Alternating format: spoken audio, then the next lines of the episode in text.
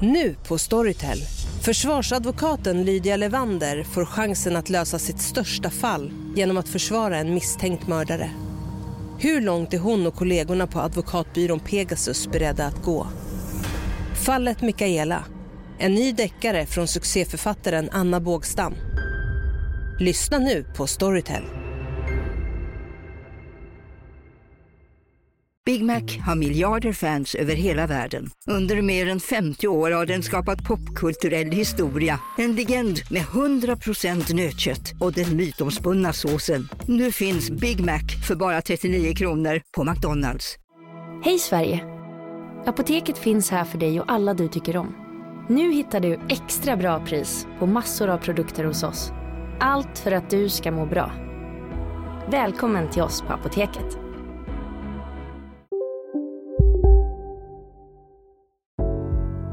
Det här avsnittet handlar till stor del om charity, även om andra personers tragiska livsöden står i fokus.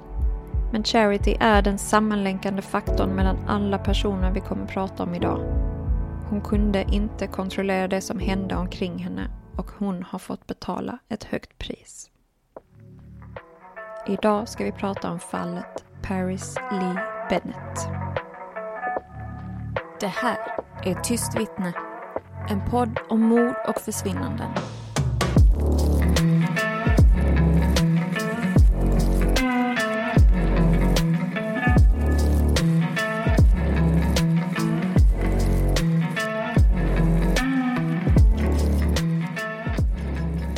Hej och välkomna till säsong två av Tyst vittne, The Podd. Med Alex och Jenny. Oh my god. Mm? Säsong två, vi lyckades komma till en andra säsong. Yes. I'm so happy. Yes. Det här I'm so happy bli... I wanna pee. Åh gud. Det här kommer bli en eh, sjukt bra säsong. Vi har laddat med spännande fall som vi kommer ta upp. Och vi kommer börja dagens avsnitt alldeles strax. Yes. Innan det ska jag fråga dig, hur är läget? Det har varit en bra sommar. Jag Mm. har varit ledig mycket och haft roligt faktiskt. Jag var faktiskt. Faktiskt. Om man då jämför med andra somrar. Nej. Great. Och var har Alltså- du varit? Jag har varit i USA, oh my god! Jag har varit i Los Angeles och träffat Nicole, för hon bor ju där just Mm. Ja. nu. Och vad gjorde du? Allt, bada, eh, gick på boardwalken Mm. och jag var på UCLA. Och var med på eh, acting classes, Mhm. för Nicole går ju på acting classes på Mm. UCLA så. Och det var fabulous. Och Nicole visste inte att du skulle komma utan du bara åkte dit. Och sen så bara Just det. stod du framför henne på andra sidan staketet. Och hon Ja. bara, jag fattar ingenting. Nej. Jag drömmer. Det är en dröm. Hon har ju sömnbrist för Ja. att hon går i skolan och gör 20 000 olika saker där just Mm. nu. Hon har en begränsad tid som hon ska vara där. Så när hon såg mig så trodde hon att hon typ drömde. Ja. För att jag hade inte sagt någonting överhuvudtaget. Nej. Jag har haft det jättebra här i Sverige också. Mm. Ehm, Jag har gråtit väldigt lite. Ja men Sommar. gud vad skönt. Hur har din sommar varit? Eh, bra, jag har jobbat. Japp. Solat två dagar på hela sommaren. Det var skönt de två dagarna. That's it. Well, I want to say fabulous. It's not, but uh, we have been barbecuing a lot, so it That's was great. yummy. Anywho, vi eh, är glada att vara tillbaka. Vi är glada om ni lyssnar. Tack som bara den för att ni har lyssnat. Så, vi börjar dagens avsnitt. Charity hade en normal barndom fram till sex års ålder. Hon bodde med sina två föräldrar som var välbärgade. De saknade ingenting och de hade det väldigt bra ställt. Hennes pappa körde en Rolls Royce Silver Shadow. Jag googlade faktiskt på den precis innan vi började spela in. Det var en väldigt fin sån här gammal bil. Och du vet, som har den här um, Rolls Royce-statyn framme på huven. Eh, troligtvis mycket dyr på den tiden, även nu. Charity har inga minnen av att hennes föräldrar ska ha bråkat och hon har inga minnen heller av någon form av separation som skulle ha ägt rum. Hon var ett glatt barn fram tills att hon var sex år. Familjen bodde i ett välbärgat område vid Atlanta Country Club. Och jag googlade faktiskt lite på det också, bara för att jag var lite nyfiken. Och fick fram informationen om priserna på fastigheterna i området där Charity växte upp. Idag ligger priserna på mellan 500 000 dollar till 5 miljoner dollar. Och så får man ju gånga det med typ 10 ungefär för att få fram det svenska priset. Så det känns ju som att eh, bor man där så har man cash. Eller man har det bra ställt. Den 11 mars 1980, när Charity då var sex år, så väckte hennes mamma henne. Och hon väckte även barnflickan. Charitys mamma heter Kyle. Kyle tog Charity till skolan, vilket hon vanligtvis aldrig gjorde. Vem som brukade göra det framgår inte någonstans. Så det är lite oklart om det brukade vara barnflickan som tog henne till skolan eller om det var hennes pappa. James Robert Bennett Jr. Även kallad Bobby. Barnflickan fick lite ärenden av Kyle, Charitys mamma, som hon då skulle uträtta under dagen. Och hon var således iväg under dagen under en viss tid, tänker jag mig. Charity minns inte mycket mer av den dagen förutom att hon satt på ett plan på väg till sina mor eller farföräldrar. Senare så berättade Kyle för Charity att hennes pappa Bobby var död. Så det som egentligen hade hänt då på morgonen den här dagen, det var att hennes pappa hade blivit skjuten fyra gånger på nära håll i deras hem. Oj. En gång i huvudet, en gång i ryggen och två i bröstet varav ett tog i hjärtat. Och han avled där på golvet i deras hem. Enligt Kyle så var ehm, Barbie Bobby aldrig någon särskilt närvarande pappa. Han umgicks alltid med sina flickvänner och närvarande varken vid födelsedagar eller middagar med sin familj. Kyle fick arbeta hårt för att hålla företaget flytande. Och hon hade ingen tid för att tycka synd om sig själv. Det här är ju vad hon säger såklart. Vi vet ju egentligen inte hur Bobby var som pappa eftersom där finns inga uppgifter på det helt enkelt. En del personer trodde i alla fall att det var Kyle som hade hyrt in en yrkesmördare för att ta livet av sin man. Och även polisen misstänkte det här, alltså de grep Kyle en månad efter begravningen. Kyle satt sedan inlåst i sex veckor under utredningen och genomgick sedan en rättegång på ytterligare sex veckor, där hon friades. Och nu är det här som sagt Kyles ord. Men jag får lite känslan av att hon är kanske lite speciell, en speciell individ. Möjligtvis lite manipulativ. Jag känner kanske inte att jag kan lita helt hundra på saker hon säger. Det finns ju ingen annan eh, källa Nej. än hen, henne då, så att säga. Eh, För hon har ju pratat i vissa dokumentärer. Men hon säger i alla fall att Charity då, flickan här, var ett underbart barn fram tills ungefär 12 års ålder. Och att de hade en nära och underbar relation. Men efter 12 år så började Charity bli sur när hon inte fick som hon ville. Och hon kunde anklaga Kyle för att ha mördat hennes pappa. Och Kyle sa också att Charity var väldigt manipulativ. Men sen medgav hon också att det var ett karaktärsdrag som gick i familjen och att hon själv kunde vara manipulativ när det behövdes. Ja, man blir ju lite så som man eh, i miljön man växer upp i. Tyvärr kanske. Precis. Men det bästa är att hon i en intervju i The Family I Had, det är en dokumentär, säger att hon behöver inte vara manipulativ nu i hennes ålder, nu när hon är lite äldre, eftersom hon har inget företag som hon måste styra eller jury att manipulera. Ja men va? Ja, Stupid! I know! Men Okej. ni kan själva gå in och titta på dokumentären och säga vad ni tycker. Man kan ju tolka lite hur man vill. Hon dessutom har ett väldigt mystiskt leende när hon säger det här. Ser nästan lite stolt ut. Creepy. I know. Och så att man kan ju fråga sig, mm, är det liksom ett smygerkännande eh, på mordet på Barbie? Felsägning? Eller är det bara jag som fantiserar ihop grejer? Jag vet inte. Titta på dokumentären. Återkom gärna och se vad ni tycker. Charity berättar i en video på Youtube som The Ella Foundation har lagt ut och vi kommer komma tillbaka till den här organisationen lite senare och berätta om den. Men Charity berättar i alla fall om livet efter hennes pappas död. Och hon fick börja i en ny privatskola. I den skolan var flickorna elaka och ville inte umgås med henne eftersom hennes mamma hade mördat hennes pappa. Eller det var i alla fall den uppfattningen som människor hade på den tiden. Charity försökte prata med sin mamma, alltså med Kyle då, om det här. Men Kyle ville varken prata med henne om detta eller om någonting som hade med hennes pappa att göra eller att ja, hennes pappa har dött. när, han, när hon var bara sex år liksom. Kyle ska ha varit en väldigt kall kvinna, eller är en väldigt kall kvinna. Och varit väldigt känslomässigt frånvarande under i princip hela Charities barndom. Och det här är ju Charities version. Mm. Det är detta hon berättar om sin mamma. De verkar inte vara helt ense, eller de tappade kontakten under väldigt många år. Mm. Eh, också under tiden de gör de här intervjuerna i dokumentärer. Charity har senare i livet fått veta, och hur hon har fått veta detta, det vet vi inte. Men att hennes pappa tydligen langade knark. Oj! Mm. Och använde deras lastbilsföretag som front. Kyle, Oj. Hennes mamma, var hjärnan bakom det hela och såg till att saker och ting fungerade.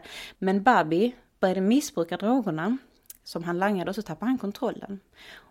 Och det här ska då ha varit motivet till att Kyle ville få bort Bobby. Och hon ska då ha anställt en av deras förare för att utföra mordet. Men som sagt, det har varit uppe i rätten och vänt. Kyle har inte dömts för mordet. Eh, och det finns väldigt begränsad information om fallet i övrigt. Mm. Det mesta som jag sa precis kommer från intervjuer med Charity, dottern då. Mm. Så Charity växte upp med en mamma som inte ville ha med henne att göra, vilket i sin tur fick henne att känna sig som en hemsk person. Och jag menar barn som inte blir bekräftade av sina föräldrar under barndomen kan utveckla en, en ganska så negativ syn av sig själva. Charity trodde ju att Kyle hatade henne eftersom hon påminde om sin pappa.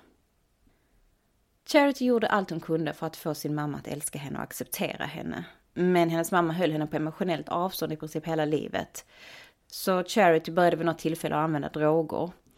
Eh, och hon eh, fastnade för heroin vilket eh, gjorde att hon blev känslomässigt avdomnad och hade enklare att hantera saker som hände både liksom känslomässigt i henne men även saker och ting som hände runt omkring henne. Hon var duktig i skolan och i sport. Man kan väl säga att hon var den där typiska duktiga flickan. Om ni förstår vad jag menar. Som 16-åring så hade hon ett fullt utvecklat heroinmissbruk. Och som 18-åring så bad Charity sin mamma om hjälp eftersom hon i princip var döende i sitt missbruk. Kyle vägrade först hjälpa henne, men satte henne sen på ett behandlingshem så långt bort som möjligt för att ingen skulle känna igen dem. Det var ju väldigt viktigt mm. för Kyle hur saker och ting såg ut utåt. Kyle gav sedan Charity 100 dollar och så sa hon till henne, gör vad du vill med dem, vill du ta en överdos, gör det, du är ändå så jobbig att ha att göra med. Oj, so nice. Ja. Men vändningen kom i alla fall när Charity blev gravid med en son mm. som hon skulle komma att döpa till Paris. Hon kände en otrolig kärlek för sitt ofödda barn och hon bestämde sig för att sluta med allt som kunde skada dem. Kyle ville att Charity skulle göra en abort men hon vägrade. Och när Paris föddes så kände Charity att han hade räddat hennes liv. Paris Lee Bennett föddes den 10 oktober 1993 och var alltså den efterlängtade sonen till Charity. Paris hade en väldigt bra barndom enligt Charity, men Paris har senare antytt att så inte riktigt var fallet sett ifrån hans egen synvinkel. Paris pappa hade schizofreni och hans sjukdom innebar att han hallucinerade och såg saker eller hörde sådant som inte andra uppfattade. Schizofreni är en psykossjukdom vilket innebär att personen har återkommande psykoser. Psykos i sin tur innebär att man upplever verkligheten annorlunda än andra och har vanföreställningar eller hallucinationer. Paris pappa insjuknade när Paris var två år. Han var en bra man, uppger Charity i intervjuer, men sjukdomen gjorde att han inte kunde vara en del av Paris liv och var alltså inte närvarande. Han betalade dock alltid underhåll för Paris. Paris var ett glatt och lyckligt barn som tidigt visade att han var väldigt intelligent. Han var kreativ och började rita vid tre års ålder. Han var en charmig och väluppfostrad unge. Det skulle senare visa sig att han hade ett IQ på 147, vilket är mycket högt. Vissa säger att det är på ett genis nivå, medan andra menar att han förvisso är mycket smart, men inte att beteckna som ett geni. Det fanns vissa tecken på att något inte stämde med Paris. Bland annat den gången när han samlade grodor hos sin mormor och sen släppte ner grodorna på marken under balkongen. Trots att Charity försökt förklara för honom att grodorna led och att de måste döda dem så att de kan sluta lida så förstod inte Paris detta. Charity fick själv döda alla skadade grodor och Paris var bara tre år gammal när han gjorde detta. I en intervju med Piers Morgan, som man kan se i dokumentären Psychopath with Piers Morgan, sa Paris att han kände sig utanför under sin barndom och att det skapade negativa känslor för honom. Charity däremot tyckte att det uttalandet inte stämde överens med verkligheten. Under större delen av Paris barndom så var han hennes allt och hon avgudade sin son. Åter till det här eh, delen med att skada smådjur så har man ju då hört mycket om barn som skadar eller dödar djur och att det skulle kunna vara ett tecken på avsaknad av empati. På hemsidan psychologytoday.com skriver Dr. Joni E. Johnston om de olika anledningarna till att barn plågar eller dödar djur. För långt ifrån alla barn som gör detta kommer bli mördare eller psykopater, även om det finns ett samband mellan våld mot djur och våld mot människor. En anledning till att barn plågar eller dödar djur är för att barn själva upplevt eller bevittnat våld under sin uppväxt. Och enligt Dr. Johnston så menar hon att detta är en viktig punkt där vi kan upptäcka våld mot barn. En annan anledning kan vara nyfikenhet. När barnet utforskar ett djur så skadas eller dör djuret i processen. Grupptryck kan också få barn att göra saker de vanligtvis hade valt att avstå ifrån. Det finns flera andra orsaker som sexuell tillfredsställelse eller tristess och depression. Vi ska gå tillbaka till Charity. Charity träffade en man vid namn Jonathan. Efter två år gifte de sig. Hon blev gravid men lämnade Jonathan under graviditeten på grund av hans alkoholmissbruk. Hennes graviditet togs inte väl emot av alla. Paris, som då var i nioårsåldern, blev inte glad. Men så kan det ju vara när man är i den åldern och det behöver ju inte betyda någonting i sig. Första gången han höll i sin lilla syster som hade fått namnet Ella så kunde Charity se att han förälskade sig i henne och Ella i sin tur avgudade Paris. Syskonen var kärleksfulla mot varandra och hade vad som uppfattades normal syskonrelation. Paris var en fantastisk storebror. På nätet finns det en hel del hemmavideor där man kan se Paris och Ella leka som vilka andra barn som helst.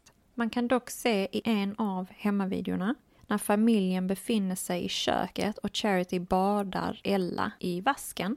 Och Ella kan då ha varit sju månader ungefär vid ja. eh, denna tidpunkten, för hon sitter själv. Men hon är under ett år definitivt. Ja, det är hon. Eh, och Paris ser ut att vara nio år gammal ungefär. Och då säger Paris till sin mamma, vad är ditt minsta favoritord? Alltså the least favorite word. Eller kanske din least favorite sentence. Alltså din minst omtyckta mening. Och då säger hon, jag vet inte. Och då säger han, kill charities children. Chills.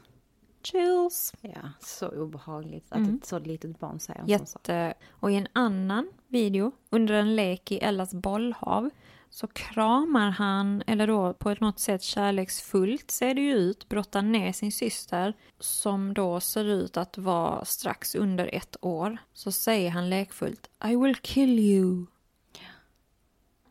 Jag har dock inte varit i närheten av eh, ett barn som eh, leker och säger så.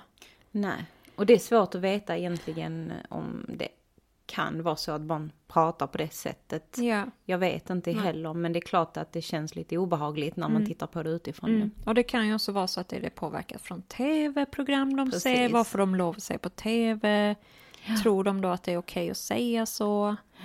Um, eller är det bara lek, eller är det sen någonting blir, annat? Sen blir det att vi överanalyserar lite så här för att... Vi vet vad detta leder. Precis. Så uh, vi får se vad ni tycker sen. När Paris var 11 år så fick Charity ett återfall i sitt missbruk. Paris fick då ta hand om sin lilla syster Ella. Detta är en period som påverkat honom på djupet. Han byggde upp ett innerligt hat mot sin mamma för detta och har flera gånger senare förklarat att hans ilska mot henne har mycket med detta att göra. Ja, det är ganska tydligt i intervjuer liksom att mm. han har varit jättearg mm. över att det här har hänt. Den här perioden har Precis. Charity var fast i sitt missbruk i ungefär sex månader innan hon blev helt nykter igen och kunde ta hand om sina barn ordentligt. Ett tecken på att Paris hade börjat bygga upp ett inre mörker och innerlig ilska mot sin mamma var när han en, en, kort tid efter att Charity blivit ren från sitt missbruk igen, alltså då när han var 12 år gammal, så hotade han sin mamma med en kökskniv efter att hon hade sagt till honom att inte vara dum mot sin lilla syster. Och det här är ju tydligt liksom en eh, varningssignal på att någonting inte står rätt till. Och Charity fick eh, med våld ta kniven ifrån honom. Jag tänker de flesta barnen hade kanske, om man nu blir arg på sin mamma, skrikit, alltså jag vet inte, sagt någonting kanske eller så här. Men att gå och hämta en kökskniv och hur, alltså du vet, det är ju, De vet ju då att ett vapen tar skada. ja. Och att det skrämmer. Du vet att Exakt. det här, om jag Makt. gör det här, Makt. ja, om jag gör det här, då kommer jag få den reaktionen som jag är ute efter. Den typen av ilska och aggression visar sig oftast bara om något inte står riktigt rätt till och man bör ju söka hjälp då. Vilket Charity faktiskt gjorde. Hon sökte hjälp för honom men han fick aldrig någon diagnos och de varken fick stöd eller hjälp av myndigheter. Vilket innebär att då Charity fick försöka hantera situationen själv. Ja, och jag menar det hon egentligen var orolig för under den här perioden var att han skulle göra sig själv illa. Framförallt. ja, ja. Hon trodde ju att han var en fara för sig själv. Det var ju Exakt. därför hon sökte hjälp. Ingen annan anledning. Ella föddes alltså den 12 april 2002. Hon växte upp till en liten tjej som visste precis vad hon ville. Hon var full av liv och älskade fjärilar och färgen lila. Den 4 februari 2007 var Charity på jobbet och arbetade sent. Innan hon gick till sitt jobb den dagen så hade hon och Paris haft en mindre konflikt. Det handlade om något litet där Charity hade tillrättavisat Paris och han var fortfarande sur på henne när hon gick. Paris som var 12 år och Ella som då var 4 år var hemma med en barnflicka. Och jag kan väl, vi kan väl gå ut med en liten varning till lyssnarna. Oh ja, Kommer att bli lite jobbigt nu. det kommer bli jättejobbigt. Och ni som är känsliga, eh, stäng av eller hoppa fram eh, flera minuter. Paris övertalade barnflickan att gå hem tidigt.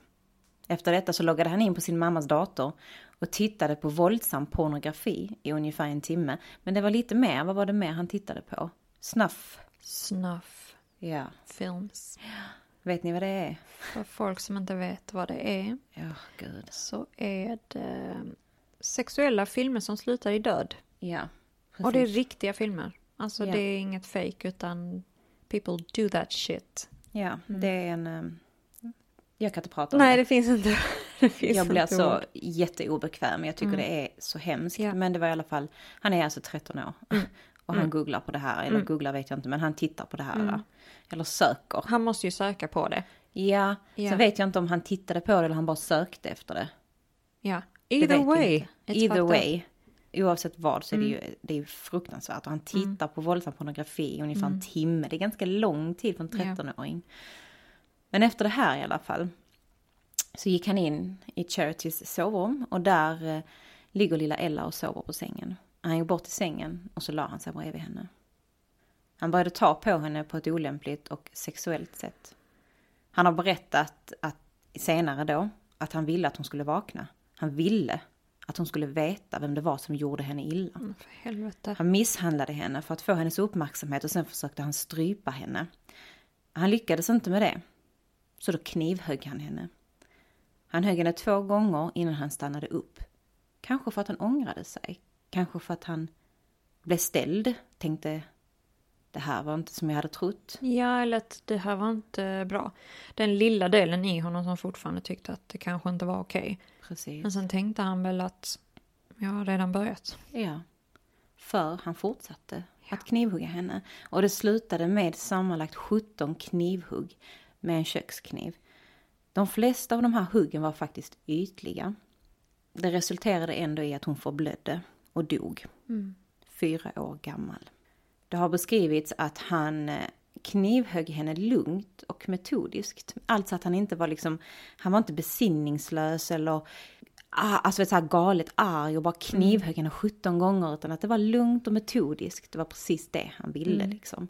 Han har också beskrivit i efterhand att det kändes som att knivhugga en marshmallow. För helvete. Ja, det här är jättejobbigt. Efter detta så ringde han en kompis. Han pratade med den här kompisen i sex minuter, helt lugnt och precis som att ingenting hade hänt. Han berättade ingenting om vad som han hade gjort och det var ingen som misstänkte att någonting hade hänt överhuvudtaget för att han var så lugn och vanlig.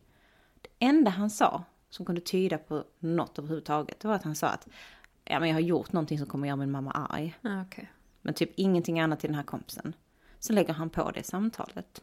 Under tiden så ligger hon ju och dör. Efter det här samtalet med kompisen så ringde han i alla fall själv till 911. Och det här samtalet kan man lyssna på om man googlar eller går in på YouTube. Vi har lyssnat på samtalet och det låter som att han är ett skrämt och förvirrat litet barn. Han verkar extremt skärrad och ledsen. Men innan det här så har han ju precis pratat med sin kompis i sex minuter och varit hur lugn som helst. Så jag menar, Men jag tänker också att när ett barn ringer larmcentralen så är det ett barn. ja. Ett barn har en barnröst. Ja, Det kan liksom inte på samma sätt som om en vuxen hade ringt till larmcentralen låta monotont och, och hårt liksom Nej, för att det är inte. barnröst. Så att vem vet vad han tänkte då? Utan det bara Precis. lät som det lät för att det var ett barn. absolut. Men det som i alla fall händer sen Mm. ju det är att eh, personen då, eller operatören på larmcentralen försöker få honom att utföra eh, hjärt och lungräddning. Eh, vilket han först då, alltså kommer med invändningen att nej men hon är redan död. Så, ja. Men han gör det till slut ändå. Han lyckas, eller de lyckas övertala honom och han börjar med kompressionerna och räknar tillsammans med operatören. One, two och så vidare då. Eh, och det innebär då att han trycker på Ellas bröst. Ja. Alltså för att trycka på hjärtat. Det är ju det som är kompression, hjärtkompressioner. Men det man där har fått reda på i efterhand, det är ju att han gör faktiskt aldrig hjärt och lungräddning utan han bara lurar operatören. Alltså han medvetet, som 13 år gammal, lurar operatören att han gör hjärtkompressioner. Du vet, du hör ju honom räkna i samtalet. Men han gör ju inte det. Vad gör han? Sitter på en stol och bara typ chillar. Det är så sjukt obehagligt. sjukt. Charity arbetade som servitris på en bar och de hade mycket att göra den här kvällen på grund av att det var Super Bowl Sunday. En förvånad Charity mötte polisen inne på baren som ville prata med henne. De gick in i ett rum där polisen berättade för Charity att Ella var skadad. Och hon blev ju såklart genast orolig och bad om att få träffa Ella på en gång. Och då sa polisen till henne att nej men det går inte för att hon är död. Ella är död. Ja, exakt hur de sa det, det vet jag ju inte men det var då hon fick reda på det. Och Charity svimmade när hon fick veta det här. Att hon förlorat sin lilla dotter. Men så fort hon kom tillbaka till medvetandet så frågade hon efter sin son Paris. Och det förstår jag för att har du precis fått veta att ditt ena barn har dött, då Ja. undrar du ju var är mitt andra barn? Ja. Och då berättar polisen för henne att de har Paris. Och det är Paris som har dödat Ella. Holy crap.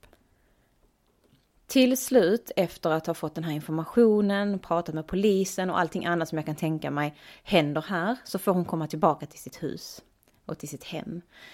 De kom ut med Ella på en bår och hon låg i en svart liksäck, men man hade typ dratt ner så att man kunde se hennes ansikte. Charity pussade henne och sa förlåt att hon inte var där. Ehm, och hon kände blodsmak i munnen efter Ellas blod, för hon var ju liksom, hade lite blod i ansiktet. Även om ansiktet inte var skadat.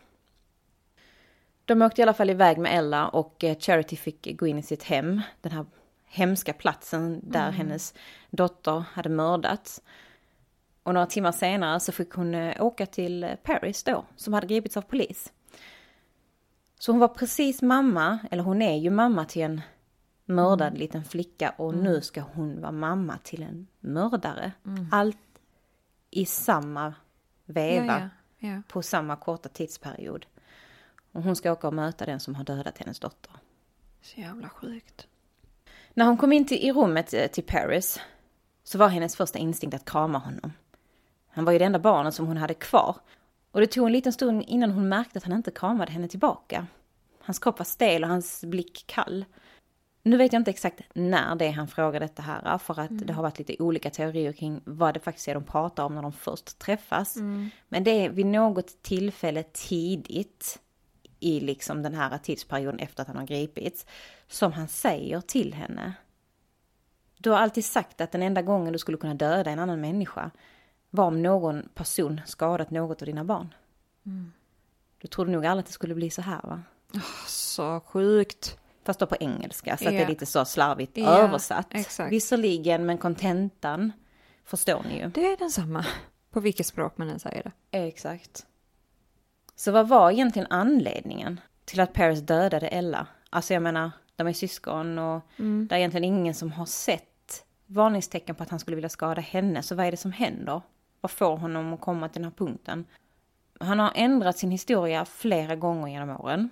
Och det är lite svårt att reda ut exakt när han har sagt vad. Men det första han ska ha sagt i samband med gripandet då, det var att han hade somnat och när han hade vaknat så hade han hallucinerat att Ella då såg ut som en demon med brinnande pumpahuvud och han ska ha blivit vettskrämd och sen handlat i rädsla. Det är liksom den första versionen. Så man ändå tänker liksom, ja, jag vet inte vad jag tänker men Nej. Jag tänker att han kanske, man kanske har liksom någon liknande sjukdom som sin pappa. Det är ju det man tänker när man ja, hör det detta kan det ju vara. Ja. Men eh, Paris har ju pratat med både sin mamma om vad det var som hände och han har också pratat i förhör med polis och han har låtit sig intervjuas i dokumentärer. Och alla de här eh, intervjuerna som vi har tittat på kommer ni kunna se i våra källor på tystvittne.se. Men han har alltså också sagt vid något tillfälle att han bara egentligen ville döda någon, vem som helst. Han ville bara liksom testa och se hur det kändes att döda en person. Och han funderade fram och tillbaka kring vem han skulle döda. Om det skulle vara att han dödade barnflickan eller skulle gå ut på gatan och bara döda en främling. Och så till slut så blev det bara att han dödade Ella, antagligen för att hon var det enklaste offret som inte kunde försvara sig, tänker jag i alla fall. Men det finns en version som jag tror är den riktiga versionen till varför han eh, dödade Ella. Och ni får säga såklart vad ni tycker. Men eh, han har sagt vid något tillfälle att han ville straffa sin mamma. Han hatade henne och kände ett sånt oerhört, alltså en oerhörd ilska mot henne. Vilket gjorde att han ville komma på det absolut värsta man kunde göra mot henne. Det kunde vara det värsta. Och då kom han på att om han dödar Ella så förlorar hon ju båda sina barn för att han kommer ju åka i fängelse. Så det var den ultimata planen. Herregud. Att komma fram till en sån sak. Ja, men För alltså jag- gå och tänka. Ja, för att det är ju planerat. Ja. Hur mycket han än säger att det var aldrig planen att döda henne. Mm. Så tänker jag ändå någonstans att det måste ju varit planerat. För han har ju ändå tänkt de här tankarna. Vad är det värsta jag kan göra mot henne? Ja, så planen var ju att såra sin mamma så mycket som möjligt. Ja. Och mm, uppenbarligen så har, tar han till vilka medel som än krävs för att komma dit Precis. och nå sitt mål. Till och med att han offrar sig själv och hamnar i fängelse. Ja, Alltså, det är riktigt sjukt alltså. ja, det är så obehagligt. För att få någon annan att må dåligt. Ja. Det som är lite svårare att få grepp om är de här sexuella handlingarna som han ska ha utfört på Ella. Han har vid något tillfälle sagt att han har gjort det och sen har han tagit tillbaka det och sagt att nej det var aldrig så. Eh, Men det vi vet är att man hittade hans sperma eh, på den här sängen där Ella låg men även på henne. Och han har ju vid något tillfälle sagt liksom att nej men det är typ, han var en 13-årig pojke liksom och det är klart att hans sperma finns på lite olika ställen. Det har inte alls med det här att göra men man hittar ju det ska även- inte vara på hans jävla... Oj, förlåt. det är okej, du får svära. Det är ska inte podd. vara på hans syster. Precis, man hittar ju på, alltså på, hans, eh, på hennes kropp Mm. hittar man ju sperma. Det är ju jättekonstigt. Men jag kan inte hitta så mycket mer information om det här. Om jag ska vara ärlig så vill jag faktiskt inte veta mer. Det är bra så, det räcker. Det är, det är så jävla hemskt. Paris dömdes i alla fall till maxstraffet, vilket är 40 år i fängelse. Och det är maxstraffet för ungdom. Och då kan man bli släppt efter halva tiden. Vilket egentligen börjar närma sig om man tänker efter. Charity har fortsatt att ha kontakt med Paris. Och hon besöker honom regelbundet i fängelset. Det måste göra honom så arg. Ja, antagligen. För hon visar ju kärlek mot honom genom att fortfarande vara där. Precis. Jag hade gjort likadant. Get the fuck out of here. Du ska inte få som du vill. Ja, ja, jag hade hälsat på dig just out of spite. Ja. ja. Oh, I'm getting worked up. Jag har typ handsvett. Det här är helt sjukt. Paris har ingen förmåga att känna empati, skuld och har en begränsad förmåga att visa och känna medkänsla. Enligt en läkare skulle han kunna bli nästa Ted Bundy om han inte stoppas. Eh, och vi tycker att det är ett märkligt eh, uttalande för det är ganska mycket som skiljer dem åt. Eh, det kanske inte är rätt att jämföra på det viset. Enligt Charity så är Paris en psykopat. Man påbörjade en utredning i fängelset men Paris valde att avbryta denna utredningen. Och han insåg då att om han fick den diagnosen psykopat så skulle det försvåra hans möjligheter att släppas fri tidigare. Och bara, jag vill bara säga en sak där. Ja, det är jag som har skrivit och det står diagnos. Eh, man kan inte, det är inte en diagnos, det är en personlighetsstörning. Mm. Eller mm. personlighetssyndrom. Mm. Och vi kommer komma till uh, genomgången av vilka symptom eller drag man har. Ja, precis. Han kallas dock psykopat i allmänhet och har många av dragen som en psykopat har. Så begreppet psykopat eller psykopati är omdiskuterat och vi har tittat lite på detta på mindler.se. Psykopati är inte en sjukdom och inte heller en diagnos utan mer ett personlighetsdrag eller en störning i personligheten. Personer med detta drag vet oftast inte att det är något som inte stämmer med dem, vilket innebär att de oftast inte söker vård. Många är också överens om att personer med dessa drag som går i terapi inte alltid blir hjälpta, utan att vi har hört att de till och med kan bli värre. Ja, man har hört jättemycket skräckhistorier om det. Typ att om ja. de går i terapi så mm. lär de sig ännu mer om Exakt, hur de ska värre. bete sig. Precis, mm. vad, vad, samhället vill ha dem eller begär av dem Exakt. och så vidare. Exakt. Mindre än 1% av befolkningen har detta medan nästan 4% har antisocial personlighetsstörning som nog är det närmsta begreppet för att... Närmsta begreppet för psykopati egentligen. Nej men för att, vad heter det, vi har ju egentligen inte det, vi kan inte säga, i Sverige har vi ju inte att någon är psykopat. Du kan inte gå och få... Well, I know a few. Well, so do I. Nästan 4% av befolkningen har antisocial personlighetsstörning som nog är det närmsta begreppet för psykopati. Ja. Kan man säga. Människor med detta personlighetsdrag har ofta neurokognitiva nedsättningar när det kommer till känslomässigt lyhördhet med mera. De saknar helt eller har brist på affektiv empati. De är ofta bra på att läsa av andra människor och kan därför enkelt manipulera andra. Personlighetsdrag kan då vara avsaknad av affektiv empati, som jag sa, manipulativ, behov av stimulation, alltså bli lätt uttråkad, dålig kontroll över sitt eget beteende, impulsivitet, avsaknad av skuld och ånger, charmig och karismatisk, ljuger ofta, ytliga relationer och promiskuöst sexuellt beteende, oförmåga att ta ansvar för sina handlingar, grandios självuppfattning, avsaknad av realistiska framtida mål, ungdomsbrottslighet och tidiga beteendeproblem. Ja, och jag vill bara tillägga att alla de punkterna som Jenny precis läste upp kommer direkt från mindlaw.se. Ja. Så vad hände egentligen sen? Trots det fruktansvärda trauma som Charity fått uppleva så var det många som kom med dömande åsikter och pekade finger på Charity Vissa ansåg att hon bar skulden eftersom det var hon som hade uppfostrat en son som var kapabel till att mörda sin fyraåriga lillasyster. Andra trodde att Charity måste ha utsatt Paris för någon form av trauma under barndomen och det var ju anledningen till att han blev som han blev. Men så fanns det ju alla de där typiska allvetarna som tyckte att Charity borde ha sett tecken på att det var något fel på hennes son. Eller att hon bara inte hade brytt sig om de uppenbara tecken som borde ha funnits. Jag tror att vissa människor försöker göra det enkelt för sig själva. För alltså den här händelsen och händelser som, som, som denna, de är oerhört komplexa och komplicerade. Vi människor, vi vill alltid förenkla saker för att vi ska kunna förstå. Men vi kan inte förstå detta, för är du inte psykopat eller har en antisocial personlighetsstörning så kan du inte förstå varför en person gör så här. Så det handlar ju egentligen om så mycket alltså olika lager eh, och så mycket annat som man måste ta med, med i beräkningen kring varför händer en sån här sak. Man kan inte bara säga ah, det måste vara mammas fel, punkt. Även om i vissa fall så kan mamman ha någonting med saken att göra, men det kan ju liksom aldrig bara vara det det handlar om. Charity insåg efter att ha pratat med läkare att hennes son var väldigt sjuk och efter då att han hade blivit gripen. Men han, han var ju bara ett barn när han begick den här hemska handlingen.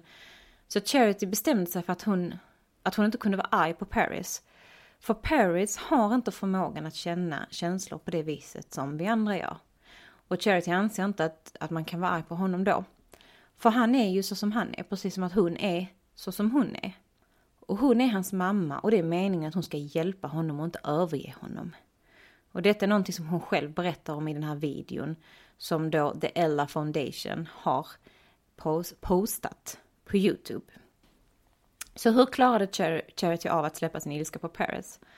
Jag tror någonstans att hennes räddning delvis blev att hon var liksom tvungen att uppehålla sig med någonting som hon verkligen brann för och trodde på. Och för henne så blev det att hon insåg att det fanns stora problem i ungdomssystemet för dömda ungdomar. Så hon började slåss för de här eh, barnen och ungdomarna som var fast i systemet. Utöver det här så skapade hon då The Ella Foundation. Och de arbetar bland annat med barn till fångar, fångar, personer som ska avrättas, familj till personer som ska avrättas, felaktigt dömda, oskyldiga, frikända. Och Charity jobbar också med personer som är offer eller har utsatts för brott. Sex år efter mordet eh, så fick Charity en son som hon gav namnet Phoenix. Han föddes med en hjärtsjukdom och opererades när han var sex dagar gammal, men den här operationen gick bra. Phoenix är den som gör att Charity kan känna lycka igen. Mm. Och eh, de lever ju sitt liv tillsammans idag. Phoenix och Charity. Precis. Mamma och, och son. Ja, och Paris är ju en del i deras familj på det viset att hon besöker honom och att han liksom, han får prata med Phoenix via telefon. Mm. Och Phoenix vet att han finns, att han har en storebror. Han har aldrig fått träffa honom såklart, men... Nej, det har han inte. Eh, enligt Paris känner han skuld för att Phoenix har ett hjärtproblem och han hatar tanken på att Phoenix kommer växa upp med vetskapen om vad Paris har gjort. Paris får ha en relation med Phoenix och prata med honom på telefon då som vi sa. Framförallt så skriver Paris brev till Phoenix som han ska få läsa när han blir äldre. Och de har som sagt då aldrig träffats. Um, flera personer har sagt till Charity att den dagen Paris släpps ut ur fängelset så måste hon gömma sig med Phoenix. Ja.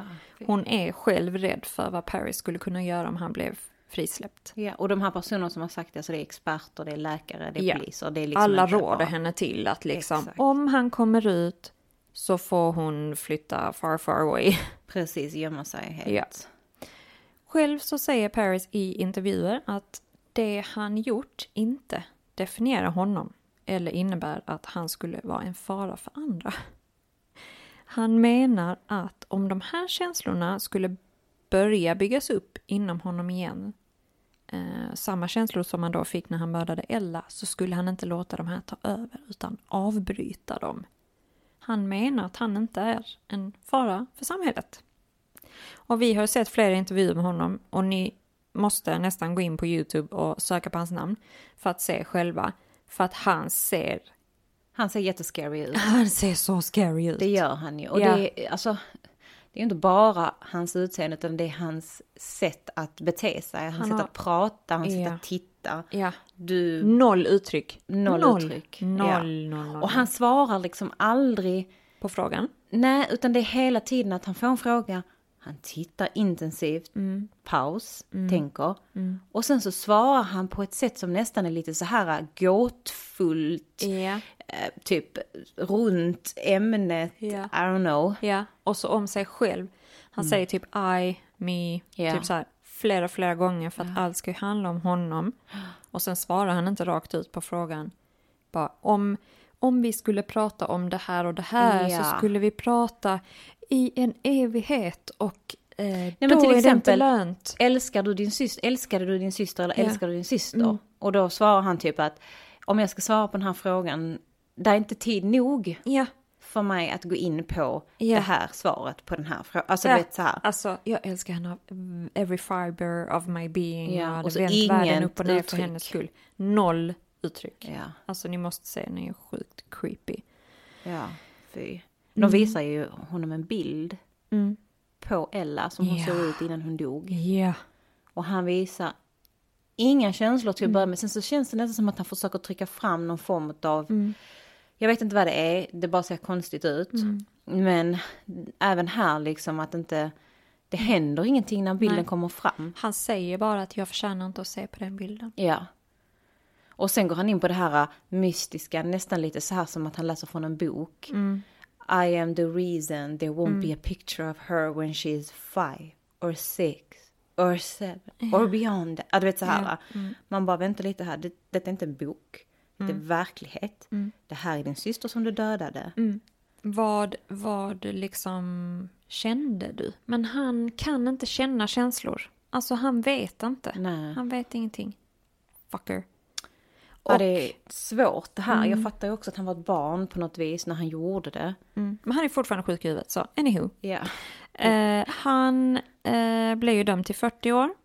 Och han måste sitta minst hälften. Det är alltså 20 år. Då är han alltså up for parole. Det är alltså sitt, eh, vad heter det? Uh, Villkorlig frigivningsintervju. ja, precis. Uh, år 2027. Det är om fem år. Alltså det är så sjukt. Men jag hoppas verkligen de kan se rakt igenom honom. Han är väl, kommer att vara tidig 30-årsålder va? Ja. När det är här. Mm. Eh, och de säger, de flesta eh, som kommenterar det här med hans straff säger att han kommer att sitta av hela straffet. De Ja. kommer aldrig släppa ut honom nej. tidigare. Ja, nej, nej. Så att då är han ju betydligt äldre men han kommer fortfarande komma ut i samhället en dag. Vi kommer lägga upp lite bilder på alla inblandade här, huvudpersonerna. Och ni kommer se hur han såg ut när han var barn och glad. Ja. Och sen då när han blev gripen och hur han ser ut idag. Vi vill jättegärna höra vad ni tycker Mm. efter att ha lyssnat på vårt avsnitt. Efter att ni kanske själva har tittat på lite filmklipp. Mm. Så gå in på Tyst vittnade podd på Facebook och Tyst vittnade podd på Instagram och kom med era åsikter. Ge oss fem stjärnor. Just på det. Spotify och Ja. eh, podd, everything. Everything ja, för pod. att grejen är den att vi är ju en nystartad podd. Så för nå ut till folk så behöver vi ju lite stjärnor. Så om ni tycker om vårt arbete så får ni jättegärna gå in och sätta fem stjärnor där ni lyssnar och gärna på alla platser ni kan hitta. Men Ja. ja. Exakt. Och har ni tips på fall som ni vill att vi tar upp så återkom till oss. DM, Instagram, Facebook, Messenger, Eh, mail, tystvittne.se. Där kan ni också gå in för att läsa källor. Och vi har precis avslutat, ish, avslutat, vi är inte klara än, men vårt första avsnitt för säsong två. Eh, tack för att ni lyssnade. Ta hand om er. Vi avslutar med att tänka på Ella. Hej då.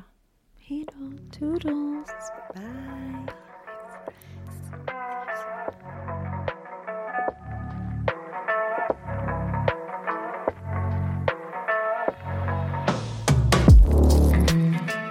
Har vanföreställningar eller hallucinationer. Hallucination. Exakt. Jag kände att det var fel. Och det var inte min stavning. Hallucinationer. I'm hallucinating the letters in the words.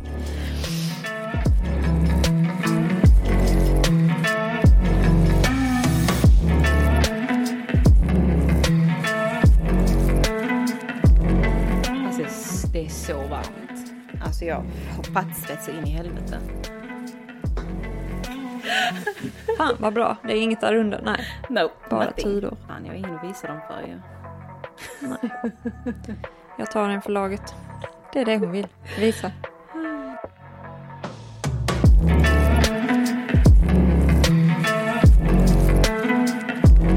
Alltså vi har gjort det, vi har gjort första avsnittet. Alltså vi det är det. Har vi missat, har vi glömt något? Nej. Nej.